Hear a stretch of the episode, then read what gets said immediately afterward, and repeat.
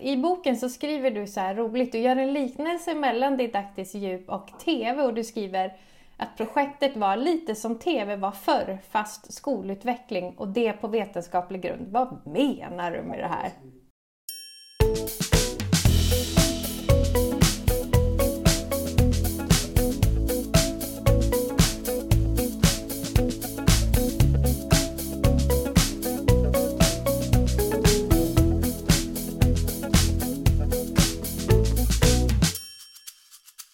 Hej och välkommen till Skolprat, en podd om skola, undervisning och lärande. Vi som är värdar för podden heter Karin Rådberg. och jag heter Marcus Brunfeldt. Och vad jobbar du med Karin nu för tiden? Nu för tiden, nu är jag både projekt och utvecklingsledare och biträdande rektor samtidigt i en härlig symbios. Vad jobbar du med Marcus? Jag är biträdande grundskolechef nu. Så är det. Och idag så har vi två kära gäster med oss. Det är lärarna Joakim Holm och Sofia Weimer. Båda är lärare på Kunskapsskolan i Norrköping och den här skolan har under de senaste tre åren arbetat med ett praktiknära undervisningsutvecklande projekt som har kallats Didaktiskt djup. Projektet ledde även till antologin Didaktiskt djup, att utveckla undervisning på vetenskaplig grund.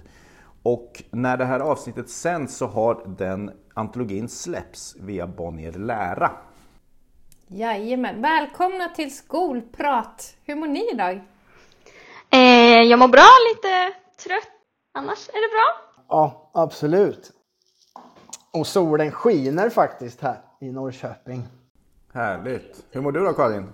Jag mår också bra. Jag har haft feber i veckan men idag så känner jag mig piggare och fräschare än, eh, kanske inte någonsin, än, än, men än på några dagar. Hur mår du Marcus? Jag mår alldeles utmärkt. Men då känns det som att vi är fyra härliga skolpersoner som mår bra som ska prata om viktiga saker idag. Och så här är det ju att Marcus, du var ju rektor på Kunskapsskolan Norrköping eh, eh, under här, de här åren när det här projektet drevs. Så idag så får du agera mer gäst än poddvärd tänker jag. Och det betyder alltså Marcus att jag kommer ställa frågorna och du kommer svara bara så att vi reder ut det innan så inte du får feeling och, och, och sådär. Vi får väl se hur det går, men vi kan väl, ja, vi kan väl börja den änden i alla fall. Du är mer gäst än värd idag Marcus. Men du är såklart mycket värd. Men idag är det jag som är värd. Men du Marcus, kan du berätta om hur och varför projektet föddes och vad ni önskade att det skulle leda till? Oj, då får jag nog tänka tillbaka lite. Men det har ju varit skolans signum, det här med långsiktiga utvecklingsprojekt. Eh, där vi hela tiden har satsat på undervisningskvalitet. Och det, för, det var ju två längre projekt innan, där vi, då bedömning för lärande och relationellt ledarskap. Och det fanns nog någonstans i den här medarbetargruppen en, en förväntan på fortsatt förkovran helt enkelt. Och i samband med det här så var också Sebastian, som, han var både lärare hos oss och även ägnade sig åt forskning på STLS. Eh, och vi ville på något sätt också dra nytta av kompetensen och att vi då valde att satsa lite mer på ämnesdidaktiken. Men egentligen har det varit hela tiden att, att det är ganska enkel tes att eh, Alltså min grundtanke har alltid varit att, bet, att satsar vi på lärarna och deras undervisningsskicklighet så kommer vi någonstans också få bättre undervisning vilket på sikt alltid kommer leda till bättre skolresultat. Inte alltid i en rät linje men ändå på något sätt eh, förr eller senare. Så att på så sätt växte det här projektet fram, att vi ville satsa på ämnesdidaktiken just. Så var det nog från början, vad jag minns. Precis, och om jag förstått det rätt så innefattar det här projektet ganska många olika personer. Dels lärarna som är ja, men de absolut viktigaste personerna, eh, men även andra personer. Kan du beskriva vilka roller och vilka funktioner som projektet innefattade?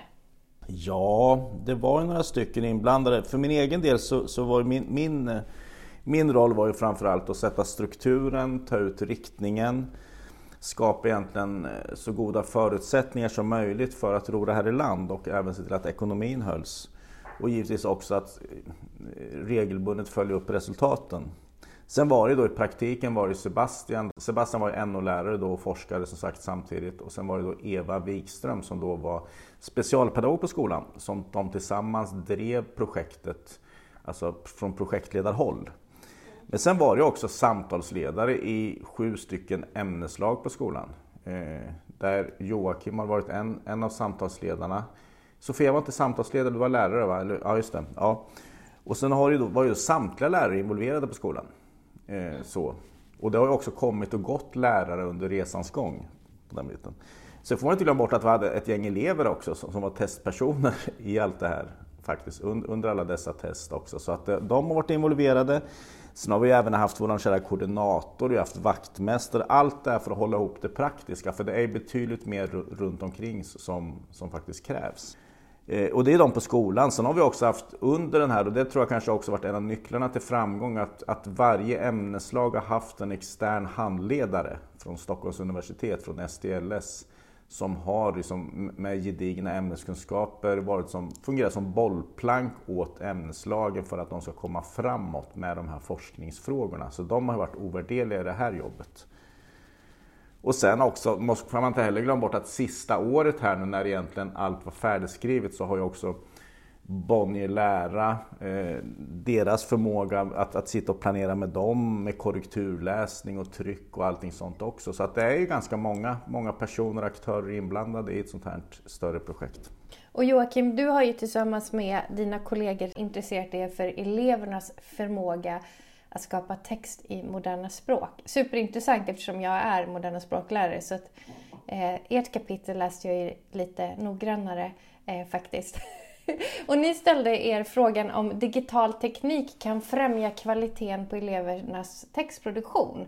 Och nu var ju, Marcus har ju redan spoilat lite vad din roll var i det här skolutvecklingsprojektet. Du var samtalsledare, men kan du berätta lite mer om vad ingick i rollen som samtalsledare? Ja, eh, som ämneslagledare och samtalsledare innebär det väl att hålla samman eh, laget föra oss framåt. Det är ju inte alltid så lätt, det ska man inte sticka under stol med när, när det handlar om eh, sådana här saker som, även om vi får tid för det och det ligger i, i vårt uppdrag och vår verksamhet så, så är det ju inte alltid alla är på, på, på, eh, på banan just här. Det händer ju, vi har ju en verksamhet med en 500 ungar också där det händer saker hela tiden. Ja, det har kommit och gått ett par stycken i vårat lilla lag eh, under tiden och då blir det ju att sätta in, sätta in och hålla i och ja, föra framåt så att säga. Jag tänker förmåga att skapa text i moderna språk. Varför var det just detta som ni ville undersöka? Ja, men vi landade där efter ett, efter ett tag. Mm. Eh, vi började med att dividera om vad vi ville och där, det ser man ju de här språklärarnas olika eh, hang-ups. Sådär. Nej, vi måste jobba med verbböjning. Vi måste, de kan inte böja verb. Eh, ja, så är det det viktigaste. Sådär. Så, ja, det har varit mycket uh, frågor kring det där fram och tillbaka. Ska vi jämföra? Vad, vad ska vi göra? Eh, sen, sen landade vi väl i en, en, en sån där grej som, som många av oss drabbas av och det gör säkert alla eh, våra kollegor. Den här lilla eh, nätta över, översättningstjänsten som eh, de flesta digitala verktyg tillhandahåller nu för tiden ställer ju till det rätt mycket. Så då landade vi väl lite där att vi tänkte att ja, men vi undersöker om, om det blir värre om de använder eh, datorn eller om datorn kan hjälpa dem i första läget. Vi tänkte vi skulle komma enkelt eh, in, få ett enkelt resultat där. Att ja, men vi visar att dator är dåligt, skriva med penna bra, Fast det går emot allting med den digitala samtiden. Men vi ville ändå börja där någonstans för att se om det verkligen var så. Eh, och det var nog tur att vi gjorde, för så var det ju faktiskt inte. För att belysa den här frågeställningen så behövde ni genomföra lite olika studier. Hur tog ni, liksom, hur tog ni klivet från att ni har bestämt er för frågan till att börja undersöka eh, hur det verkligen var? Hur gjorde ni då? Ja, men vi, vi gjorde en studie Eh, vi gjorde det här i två olika generationer av åttor. Eh, och vi valde åttorna för de befinner sig på block 3 och det är väldigt det är ett bra block. Det handlar om att beskriva sig själv och sin samtid och sin eh, ja, skolan och fritid och allt det där som handlar om dem. Så det är lite lättare kanske än, än andra saker. Ja, det är det området de håller på med så det varit väldigt naturligt. Eh, och då eh, gjorde vi helt enkelt så att de fick göra ett eh, projekt digitalt och analogt så att säga med samma material. De fick samma ordbanker och samma listor och sådär. Det var inte så att vi gav dem ordböcker ifrån något gammalt förråd någonstans här utan det var samma digitalt eller analogt. Så då se då om det skulle glida iväg att de började googla saker eller en jämförelse helt enkelt. Och vad var det ni såg då? då? Jo, men vi såg att det var inte så stor skillnad. De fick göra digitalt ena veckan och analogt andra veckan på ett 40 minuters pass med givna instruktioner. Och det här är ju som sagt ett arbetsområde de redan har gjort sedan tidigare. De började redan i sexan med en del av de här grejerna. Så det handlar ju mer om att vi handleder dem med materialet in i det här. Många av dem kan ju redan mycket. Nej, men det visar sig att i de flesta fall så eleverna, samma elev gör samma, eh, samma text. Digitalt som analogt? Ja, det får samma resultat helt enkelt. Jag kommer, när jag läste ert kapitel så stod det också att ni hade liksom hittat lite så här äh, nyckelord som är viktiga för elevers utveckling av textproduktion. Var det det liksom som blev tydligt för er att om eleverna behärskar den här typen av ord, då skriver de mer utvecklande texter? Ja, det var ju där vi fick eh, dra vidare med. Vi fick ju justera studien lite till året efter. Eftersom vi inte såg så stora skillnader mellan den enskilde individens eh, skapande digitalt eller analogt så, så fick helt enkelt hälften skriva på dator och hälften på papper nästa gång. Och då började vi istället gräva i lite vad, men vad är textkvalitet då snarare? Vad är, vad är det vi vill ha? Och då kom vi in på det som du nämner, tänker jag då. Vi, vi fick ju liksom landa i att eh, ja, men vi bestämmer oss för att det är adjektiv och konjunktioner eller ja, bisatser. Vad är det som gör en bra, vad är det som skiljer en enkel mot en utvecklad text? Och, och det, det ändrade ju fokus lite grann från just att bara måla ut datorn som eh, ett bekymmer utan det handlar ju mer om produktionen och i slutändan då där vi landar i någonstans är ju var, eh, hur, hur vi behöver gå vidare med vår undervisning för att undervisa om att lära att lära som det heter så fint. Att man förklarar vad är produktion liksom. Några dilemman har ni säkert stött på. Dels att er tes kanske inte var solid, det var inte så som ni trodde. Men det kanske inte är ett dilemma, eller dilemman behöver kanske inte vara negativa heller. De kanske hjälper oss vidare. Jag tänker, jag ser det där på två sätt. Å ena sidan, så, nu kanske inte det är ett dilemma, men en grej jag tyckte var svår från början var ju den här rent forskningshygieniska aspekten att man får inte behandla den ena gruppen på ett sätt som man tror är sämre. Alltså, om vi tänker att datorn är sämre, då får inte vi lära ut det till den gruppen bara för att det ska bli ett annat resultat, utan alla måste göra samma. Det är ju inget dilemma, men det är ju en grej som ställer till det, i alla fall lite för mig. Att man måste tänka enligt vissa regler. Men annars eh, handlar det ju mycket om, kommer tillbaka till det där igen, verbböjning till exempel. Det är ju ett dilemma. Nu pratar jag ju till dig som språklärare här, men alltså, ja, är verbböjning det mest väsentliga när vi pratar om ett tredje språk, kanske fjärde språk hos en del av eleverna?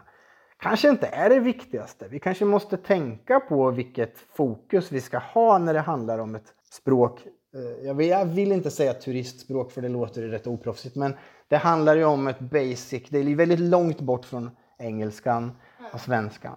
Det är väl det största dilemmat kanske och att där då i rollen som samtalsledare kanske eller ämneslagledare få med alla på banan för där har vi ju olika föreställningar det där är ju, utan att dra iväg för långt, men jag är ju musiklärare också och det är lite samma sak där, att där kan man också, vad är sång? Vi tycker olika. Eh... Och lägger olika vikt vid olika saker. Exakt, exakt. Och det tror jag är avgörande när vi pratar om eh, undervisningsutveckling.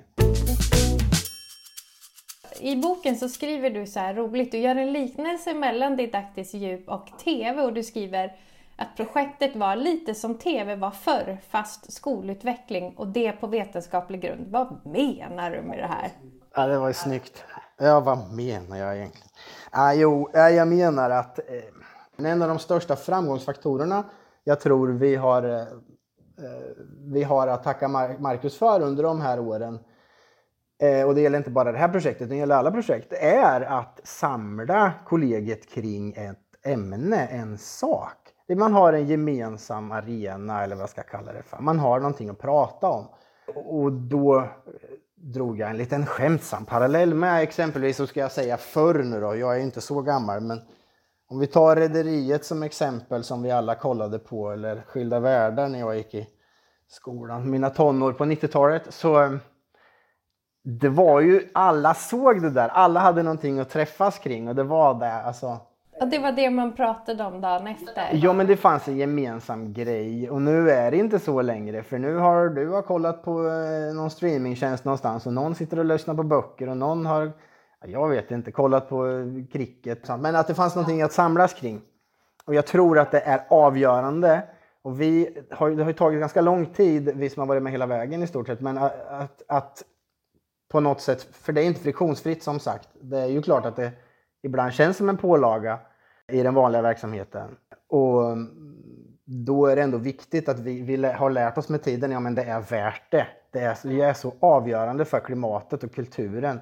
Så det kanske inte var vad vi gjorde, vilket projekt, utan att vi gjorde det gemensamt som var, liksom, som var nycklarna till det? Jag tror det. Sen var det ju en bra start för den var väldigt konkret och väldigt handfast. Det var sånt som många av oss hade törstat efter. Man fick svart på vitt. Så här ska man göra vissa exempel. Och sådär. Sofia, eh, vi går över till dig. Du har ju tillsammans med dina kollegor tittat på källkritik i samhällskunskapsundervisningen. Och när du började på skolan så var ju du nyexaminerad och du var inte heller med i projektet från början. Så var det inte svårt att som nyexaminerad lärare dels vara ny i yrket men dels ny på skolan och dessutom då komma in mitt i ett pågående utvecklingsprojekt? Jo, men det är klart att det var svårt. Eh, dels för att man är helt ny i yrket och liksom bara vill få koll på hur är jag en lärare? Nej, men hur möter jag elever och på det bästa sätt? Eh, och sen skickas in i det här projektet som de redan hade dragit igång, där jag liksom inte, ah, man vet inte vilken plats man ska ta eller sådär riktigt. Så första tiden blev ju liksom eh, lite grann att lyssna in vad de andra hade gjort eh, hittills. Men sen hade jag ju kanske förmånen att vara Eftersom jag var nyexad så hade jag ju skrivit ganska mycket vetenskapliga texter nyligen, vilket mina andra kollegor inte hade gjort. Så jag kanske kunde komma in med en, en, en blick mer från det vetenskapliga hållet på något vis. Så det blev mer din roll i projektet, att ge den vetenskapliga blicken i, i skrivandet? Ja, för jag hade ju liksom inte erfarenheten som de hade. De hade ju sett ett problem som de ville på något sätt undersöka men de visste inte riktigt hur. Men jag kunde kanske komma in med lite nya ögon och så här, ja men vi behöver kanske ändra på det här eller vi behöver smala ner vår undersökning lite och så för att kunna svara på någonting överhuvudtaget. Men jag förstår. Och i det här projektet, vad, vad, vilken potentiellt ny kunskap har er studie bidragit med, tänker du? Från början ville vi ta reda på lite om eleverna är källkritiska när man inte säger att de ska vara källkritiska. Mm. Um, och eh, vi kom väl fram till att de argumenterar ofta och försöker vara källkritiska men de använder liksom inte de grunderna som vi vill att de ska göra. De utgår inte från de källkritiska kriterierna utan det är mest så här, ja men den, den ser ut att vara på det sättet utan att bygga, underbygga det mer liksom. Så det är väl mer att vi kommer fram till att vi behöver liksom lära eleverna, vi är nog ganska bra på att lära dem att vara källkritiska i text men inte så bra på att lära dem hur de är källkritiska mot eh, bild eller rörlig bild som de möter i sin vardag hela tiden och blir matade med liksom. Okej, okay, jag förstår. Men, och, och hur liksom gör man eleverna mer källkritiska när det gäller de aspekterna, bild och rörlig media då?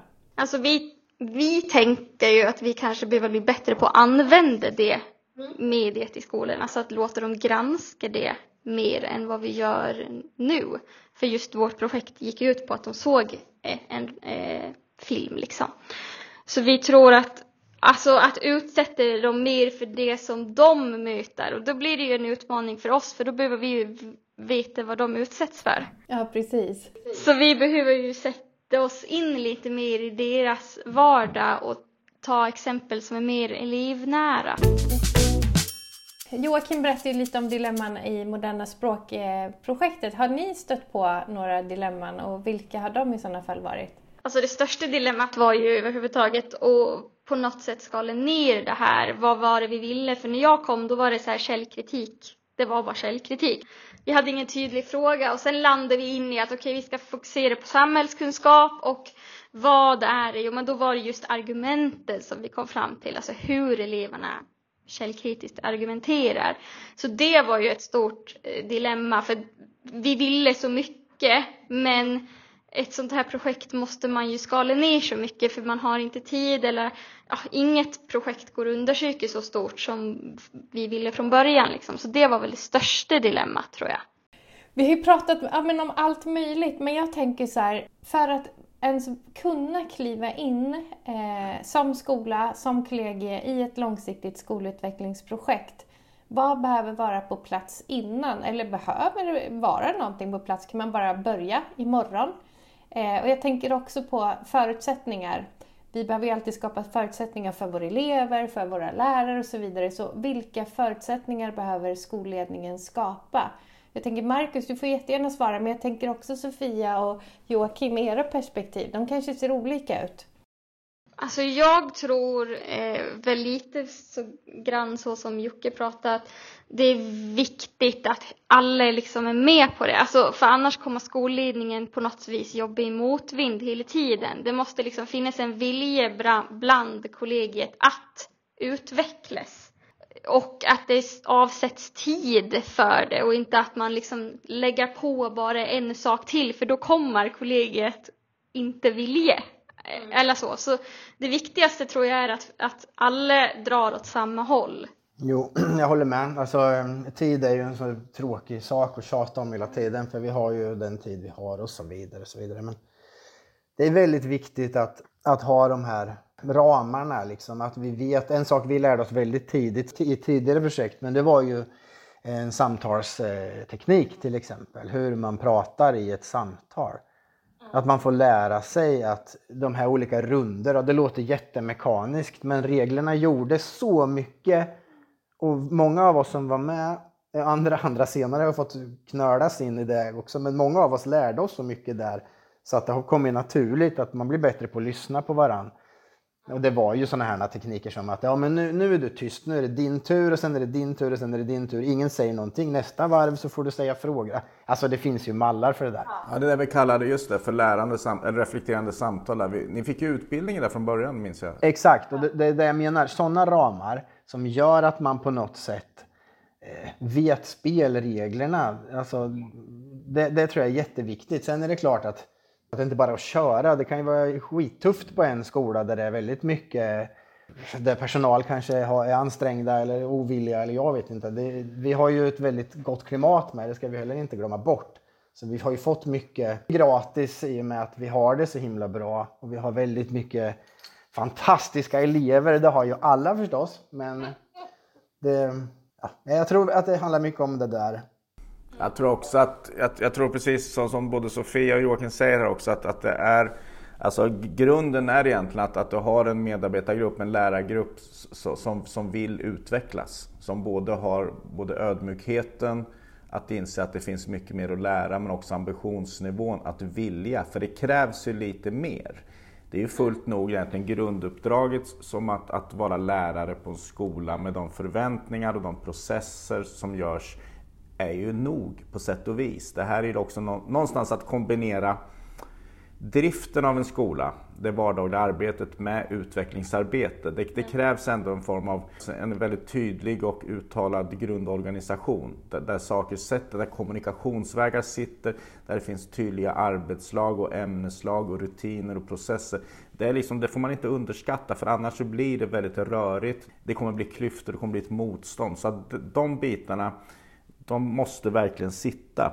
Så driften, liksom, när driften sitter och rullar på, då skulle man kunna fundera på? Ja, så tror jag är viktigt också för att inte det ska bli någon form av happening som händer vid sidan om, att det här är någonting nytt. Att man, man integrerar eh, ett utvecklingsprojekt i en skolas kvalitetsplan. Att man gör det som en del i de ordinarie processerna. Att se det här som att det, det är vårt bidrag till undervisningsutvecklingen på skolan.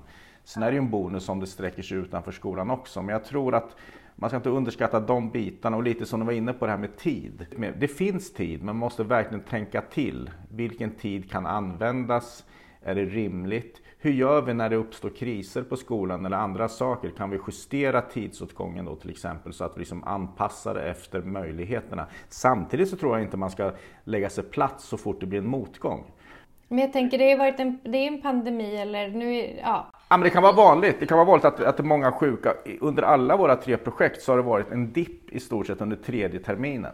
Den har nästan varit återkommande. Då har liksom den här, den här glada lärarna från början att man vill ta till sig någonting nytt och roligt. Så här, det, det, bara dippa, då är det bara jobbigt och tråkigt. Och någonstans där får man försöka skjuta in ny energi men också säga att vi, vi håller ut i det här också. Det här är viktigt för på sikt så leder det till, till någonting väldigt bra.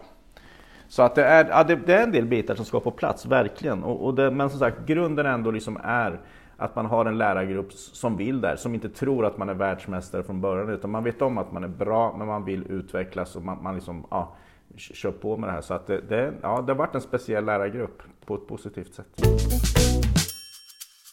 Vi måste bara prata lite om eleverna också. Hur har ni liksom involverat eleverna i det här? Det, det känns viktigt. Det är ändå så deras utbildning det handlar om. Vid varje terminslut har vi ju haft sådana här presentationer om hur det har gått med arbetet, både för eh, medarbetare och eh, externa handledare men också för eleverna. Sen har väl de ibland lite svårt att greppa vad är det här vi håller på med. Det har väl blivit mer liksom uppenbart för de eleverna som har genomfört någon del i pro varje projekt liksom.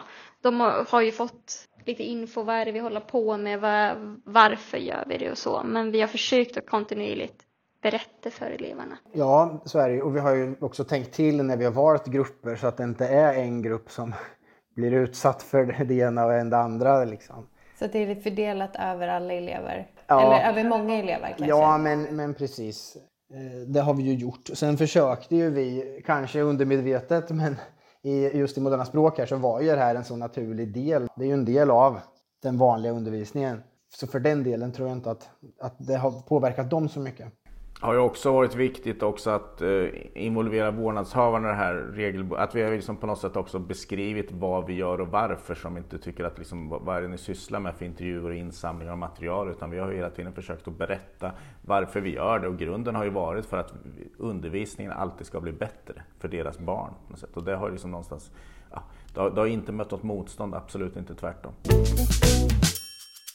Så roligt liksom att ni har gjort det här och jag gissar att målet inte var eh, att ni skulle få skriva en antologi ihop men det är ju superkul att det även blir det. Att det blir någonting som, som finns i bokformat, Joakim. Den är ju inte digital, eller den kanske också blir digital, det vet jag inte. Ja, precis. Nej, men jag, ska väl, jag ska väl säga att det här är väl inte målet heller. Målet var, var väl kanske inte antologin, målet är väl, vi får ju ett nytt mål nu, typ upplever jag vi landade ju någonting som vi inte trodde att vi skulle göra. Men det blev ju faktiskt en helt annan utkomst än vad vi trodde. Vi, vi konstaterar ju som många andra att eh, eleverna behöver eh, lära sig använda datorer. Vi behöver ju lära dem och det har väl varit min ödmjuka inställning från början på ett sätt, även om jag gärna ser papper och penna. Men eh, den ödmjuka inställningen är väl också lite att vem är jag att säga att eh, en översättningstjänst som är gjort av världens största företag, att det är dåligt? Det kan inte jag säga där jag står här på, på golvet med min lilla mössa. Men man måste också lära dem. Och det tror jag också, precis som eh, även min generation drabbades lite av den här att den äldre generationen förutsätter att vi är så duktiga för vi är så flinka i fingrarna och sitter med våra, ja, vi hade ju inga telefoner men, från början, men du vet, ja, skriver så snabbt på datan som de sa och sådär. Alltså, vi tänker så ofta med ungarna också eh, och så ser man när man läser en text, och det, det är ju både svenska och engelska och säkert alla andra ämnen också.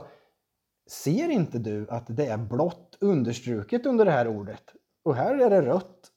Kan du inte kolla? Alltså, de tänker ju inte så. Vi måste ju lära dem att leva i det här och där måste vi väl då ta ett par kliv framåt. Ja, men jag kommer ihåg när jag var spansklärare, då, då i en, de skulle skriva någon dialog och använde ordet okej, okay, liksom. Vale på spanska. Men då kom det upp yogo hela tiden. Jag tänkte, vad tusen är det här för ord? Det betyder ju ok, alltså bärok. De hade ju googlat på ok. Och då kommer det upp yogo. Och det blir jättekonstigt bara, hur mår du? Jag mår bra, bärok. Mm. Det blir jättekonstigt. Hörrni, vi brukar avsluta våra samtal med att vår gäst, eller idag då våra tre gäster, får ge tre tips. Oj, det kan bli nio sammanlagt om det inte är som pratade nu. Om, eh, ja, men utifrån det vi har pratat om idag. Så Marcus, och Joakim och Sofia, vilka tips vill ni skicka med till våra lyssnare när det gäller att lyckas med undervisningsutvecklande projekt? Ja, men det finns väl, alltså det, det finns, eh, det, det, finns ju mycket egentligen. Eh, en sak som jag faktiskt skulle vilja lyfta fram i det här, det är att våga satsa lite mer långsiktigt. Många skolor som jag stött på genom åren, de kör väldigt kortsiktiga och nedslag och happenings för att åstadkomma en förändring. Men, men, någonstans förändring tar tid och ska man verkligen tränga in under skinnet och göra förändring på allvar så bör man satsa på långsiktigt. Och någonstans är det också att som vi har satsat på någonstans mellan två och ett halvt, tre år på våra projekt så har det också då har du fått loopa lite in under skinnet vilket gjort att det faktiskt har förändrat undervisningen vilket vi kan se genom observationer. Så att våga satsa på långsiktighet är väl i alla fall ett tips. Tack! Fler tips? Ja, men jag tänker att det är väl lite det där att, att få med sig alla, eh, alla kollegor men också alla i ämneslaget om man jobbar, jobbar ämnesspecifikt. Och kanske se till att man får tydliga roller i ett sånt här eh, arbete så att man vet vad som förväntas av en. Liksom. Jätteviktigt. Tydliga roller och tydliga förväntningar. Långsiktighet. Nu är det Joakim, nu får du summera. Har du någonting? Jag tror att ödmjukhet är centralt. Jag tänker att i all ödmjukhet se att man faktiskt är en bricka i det här maskineriet och även om man får gå utanför sitt klassrum helt enkelt. Man, man, man bidrar till det, det stora, det hel, helheten. Det är inte jag och min, lilla, och min lilla klass och min lilla tavla här. Utan det är väldigt viktigt att tänka på det stora. Så klokt sagt. Alltså jag skulle nog tycka att det var klokt om andra, om man vill starta, att man tar del av skolor som har gjort det. Men samtidigt var noga med att titta på att alla skolor har olika förutsättningar. Man har också olika behov av att utveckla undervisningen. Och då bör man liksom också kunna liksom kartlägga den ena skolans behov, eh, den egna skolans behov, titta framåt men också titta på vad folk har gjort tidigare för att se vilka fallgropar det finns och vilka möjligheter det finns. För det finns fantastiska möjligheter och sidovinster av det här också som kommer fram. Bland annat det här med gemenskap, men också att det har, varit, liksom, det har blivit lättare att rekrytera duktiga lärare helt enkelt. För att, för att skolan jobbar på det sättet? Ja, men jag tror Sofia, när Sofia till exempel eh, som jag fick äran att anställa, när hon liksom, när vi satt ju där och berättade, det här står vi för. Vi, vi, står för att vi satsar på undervisningsutveckling och Sofia bara yes, det här vill jag jobba. Något, något åt det hållet i alla fall. Så att det var liksom sådana bitar att det, det, det, det attraherar ambitiösa lärare och det är, liksom det, det, det, är det, det är det finaste en rektor kan få på något sätt. Jag tror att det, det, där, det här med gemenskapen är, är centralt, men också att det är en professionell grund i den här gemenskapen. Att man professionaliserar det här yrket tror jag är jätteviktigt, för då blir det attraktivt också som du, som du säger Marcus. Ja, och sen givetvis fokusera på det som faktiskt gör skillnad. Det finns så mycket som skolor satsar på runt om. Men om man verkligen ska titta på det som gör skillnad, som vi kan göra någonting åt, så är det ju som själva undervisningen. Oavsett vilket område det är inom undervisning så håll fokus på själva undervisningen. För det är egentligen det vi kan påverka som på sikt ger resultat. Och med de orden, eh, så stort tack för att ni var med. Eh, jätteintressant att, att få era perspektiv Joakim och Sofia, även ditt perspektiv såklart. Marcus, ha det bra! Hejdå! Skolprat är en podd om skola, undervisning och lärande med oss Karin Rådberg och, och Marcus Brunfeldt på Kunskapsskolan.